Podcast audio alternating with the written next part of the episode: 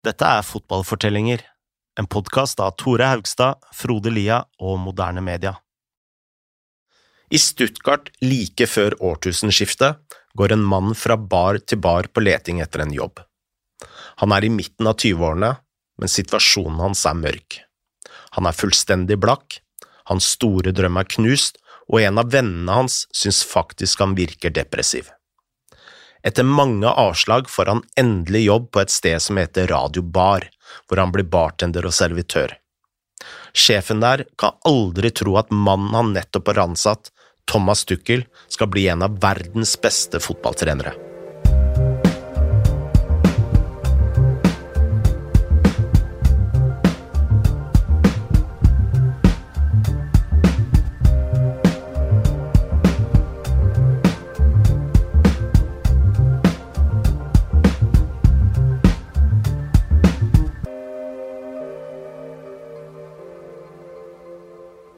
Da Thomas Tuchel fikk eh, jobb i Radio Bar, var han på sitt laveste punkt. Han eh, visste rett og slett ikke hva han skulle gjøre med livet sitt, men for å forstå hvorfor han var så fortvila, må vi gå tilbake til begynnelsen, i den lille byen Krumbach, helt sør i Tyskland. Der vokste Tuchel opp med en drøm om å spille profesjonell fotball i Bundesliga. Og Tuchel var besatt av akkurat dette. Han så liksom kamper på TV og drømte seg bort om liksom disse stadionene han kunne spille på sjøl. Um, og han hadde jo andre interesser. Han ville f.eks. bli en helikopterpilot i starten. Men så fort han begynte å spille på sitt lokallag, så var det kun fotball og Bundesliga som betydde noe. Han ble trent av faren sin, Rudolf, gjennom hele oppveksten, og utvikla seg til å bli en både smart og elegant sweeper. De spilte jo mye med sweepersystemet i Tyskland på den tida. Mm. Og allerede da han spilte volleyball på gymtimene, i gymtimene på skolen, så liksom begynte han å flytte rundt på medspillere og tenke strategisk, som om han, som om han var en trener. Og fikk i tillegg kjeft da han begynte å trikse med volleyball.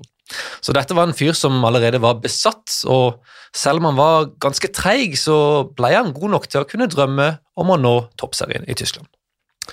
Etter å ha spilt for sitt eh, lokallag i Krumbach eh, dro Tukkel videre til ungdomsakademiet i Augsburg, én times kjøretur eh, unna hjembyen.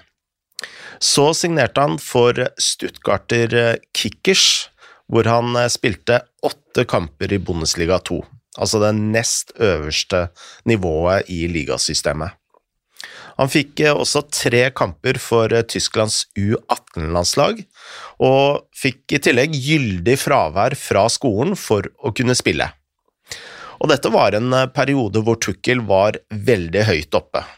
Han fikk mye oppmerksomhet og gode tilbakemeldinger, og han sa selv at det var som om han bodde i en boble hvor alt var positivt. Dette til tross ble Tukkel vraka fra Stuttgarter Kickers, som muligens var den første store nedturen i karrieren hans. Han dro videre til Ulm, et lag i tredjedivisjon, altså et hakk ned. Men noen år senere ble dette laget tatt over av en viss Ralf Ragnhild, som på den tida var en moderne og fremadstormende trener.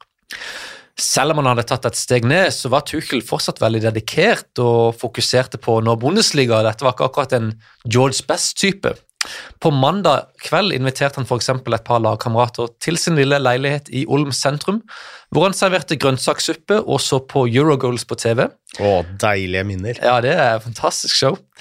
Utover uka rørte han så vidt alkohol. altså Om han drakk i det hele tatt, så var det liksom én øl.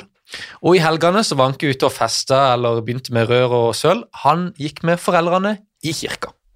Tukkel ble en veldig god venn med Ragnhild. Han visste at han eh, kun var to opprykk unna Bundesliga, og siden han eh, kun var i midten av 20-årene, hadde han veldig god tid. Men plutselig fikk han en alvorlig kneskade.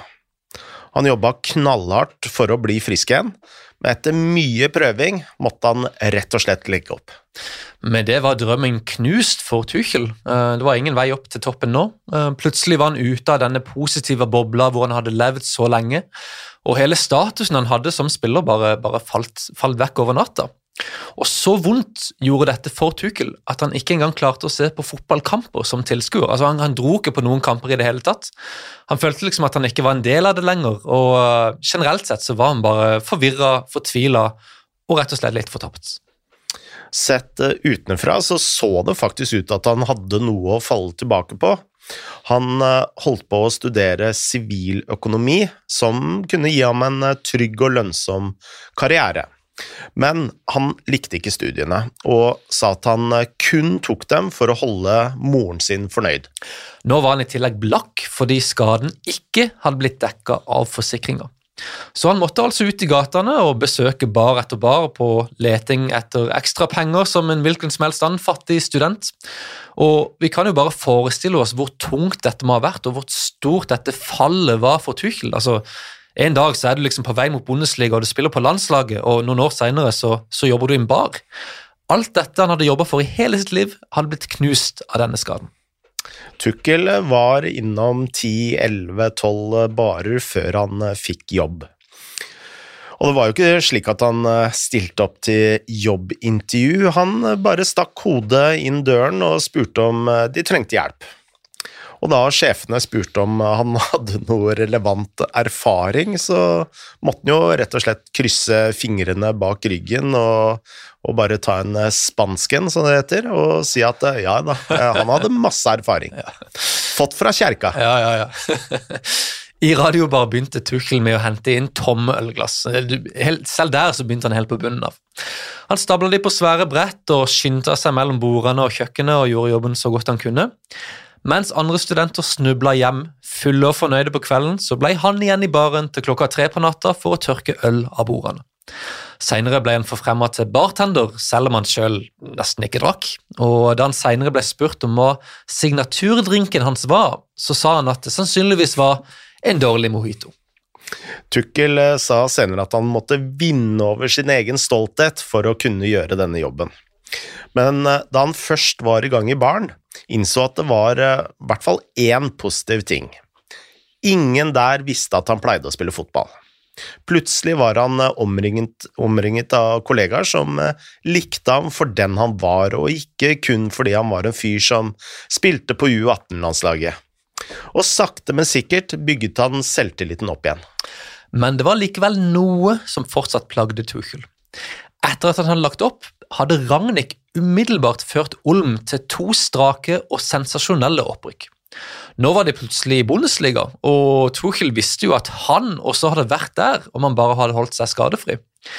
Men selvfølgelig burde han være glad på vegne av sine tidligere lagkamerater, men han var rett og slett bitter. Han var sint over at de fikk leve hans drøm, mens han satt fast i en bar i Stuttgart. Dette fikk Tukkel til å gjøre en helomvending. I Olm hadde Ragnhild eh, forlatt klubben like etter opprykket til Bundesliga, til fordel for eh, en mye større klubb, mm. Stuttgart. En dag mens han eh, jobbet i baren, bestemte Tukkel seg for å gjøre comeback. Han løp ut døren, ringte Ragnhild og spurte om han kunne få spille på Stuttgarts U23-lag, og Ragnhild, han sa ja. Tukkel jobba steinhardt på fysikken sin for å få denne skaden til å forsvinne. Men dessverre var oppgaven umulig selv for han. Ehm, to måneder senere så kom smerten tilbake, og da la han endelig skoene på hylla for godt. Han hadde ingen planer om å bli værende i fotball på noe vis, men så spurte Ragnhild et spørsmål han ikke hadde forventa i det hele tatt. Var Tuchel interessert i å bli trener? Tuchel hadde egentlig aldri tenkt på å bli trener. På den tiden hadde nesten alle trenerne på toppnivå også spilt på toppnivå. Det var ingen som hadde jobbet seg oppover gjennom akademiet, eller gått fra roller som speider og oversetter til hovedtrener. Dette var jo tross alt i år 2000, altså før José Mourinho slo igjennom. Men uh, Tukkel hadde ikke så mye annet å gjøre, så han uh, tok fatt på oppgaven med stor entusiasme. Tukkel begynte på U14-laget. Han tjente ikke stort med penger ennå, så han organiserte treningsleirer for barn for å få inn litt ekstra penger. Og det var åpenbart at Tukkel var flink som trener, for eh, fire år senere ble han forfremma til U19-laget, som han deretter førte til Bundesliga-tittelen i sin aller første sesong. I løpet av disse årene trente han også spillere som Mario Gomez, Sami Kedira, Adam Salai og Holger Badstuber. Samtidig kom det frem at uh, Tukkel kunne være en veldig vanskelig fyr å jobbe med. Han var sta og krevende, noe som rett og slett kostet ham eh, jobben i Stuttgart. Så han dro tilbake til Augsburg, hvor han snart ble sjef for akademiet. Disse jobbene gjorde han faktisk uten bil, for han hadde ikke råd til å erstatte sin gamle Audi, som hadde brutt sammen etter 600 000 km på asfalten. Som trener var Tuchel både ambisiøs og intens. Han fikk en rekke bøter av forbundet for å ha kjefta på dommeren fra stillinga. Om spillerne ikke gjorde som han sa, så tok han de rett av banen. Og så jobba han jo selvfølgelig veldig, veldig hardt. Det fantes en vits i klubben om at Tuchel gikk til køys i treningsdressen for å spare tid når han skulle kle på seg neste morgen.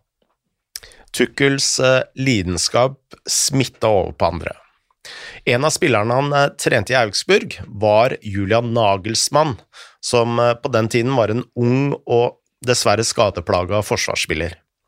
Da Nagelsmann måtte legge opp i en alder av 20 år, spurte Tukkel om han ville speide lagets fremtidige motstandere.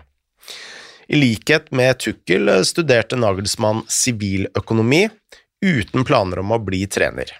Men han prøvde seg på et par speiderapporter. Snart kjørte Nagelsmann ut til kamper med sin fremtidige kone. Altså, og dette var virkelig et team på alle måter. Hva skulle Tukkel og Nagelsmann gjort uten konene sine? Ja, for Hun filma kampene med et håndholdt kamera, og han tok notater. Det første oppdraget han hadde, var å se et lag kalt Gerstoffen, og deretter ble han selvfølgelig kalt inn på teppet til Tukkel for å presentere sin rapport. Det Nagelsmann ikke visste, var at Tuchel allerede hadde studert Gerstoffen sjøl, så han satt jo med hele fasiten her. Mens Nagelsmann var i ferd med å analysere sin neste motstander, så holdt Tuchel på å analysere Nagelsmann. Etter tre år i Augsburg dro Tukkel videre til Mainz, en liten klubb utenfor Frankfurt, sørvest i Tyskland. Der tok han over U19-laget i 2008.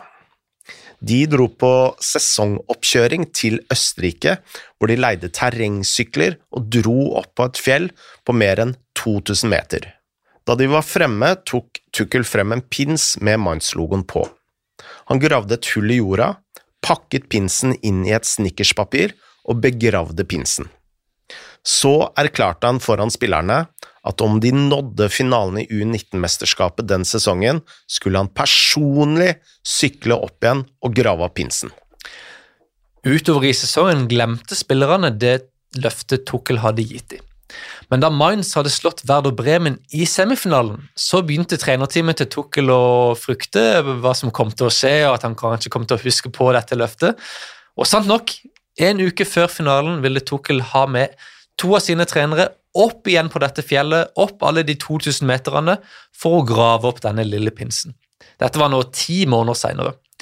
Og dette var litt av en utflukt. Ser man på Google Maps, så tar det nesten fem og en halv time å kjøre fra Mainz til dette fjellet i Østerrike.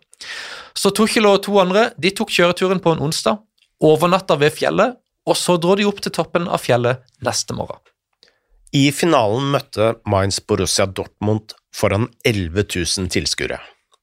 I garderoben før kampen var stemningen rolig men kun noen få minutter før avspark gikk lyset plutselig av. En video begynte å spille på lerretet. I videoen kan spillerne se Tukkel på toppen av fjellet, hvor han holder pinsen i hånda. Tukkel ser inn i kameraet og sier her er skatten vår, vi har holdt løftet vårt, og nå skal vi vinne tittelen. Inne i garderoben løfter Tukkel pinsen i været og smeller den ned i bordet og beordrer spillerne om å slå Dortmund. Og dette stuntet, det fungerte. Mainz slo Dortmund 2-1 og ble tyske U19-mestere. På tribunen satt Jørgen Klopp, som før hadde trent Mainz sitt første lag, og ikke minst Christian Heidel, som var klubbens daglige leder og som styrte egentlig hele sjappa. Og Klopp han kommenterte til Heidel at mens Dortmund hadde de beste spillerne, så var det Mainz som hadde det beste laget. Noen uker senere gjorde førstelaget til Mainz seg klare for en sesong i Bundesliga. De hadde nettopp rykket opp under ingen ringere enn Jørn Andersen. Men da Andersen kom på kant med spillerne, kun fem dager før den første ligakampen, trengte laget en ny trener, og det kjapt. Heidel hadde ikke tid til å finne noen eksternt, så han ga jobben til Tukkel. Fyren som hadde vært en frustrert bartender, hadde endelig nådd Bundesliga.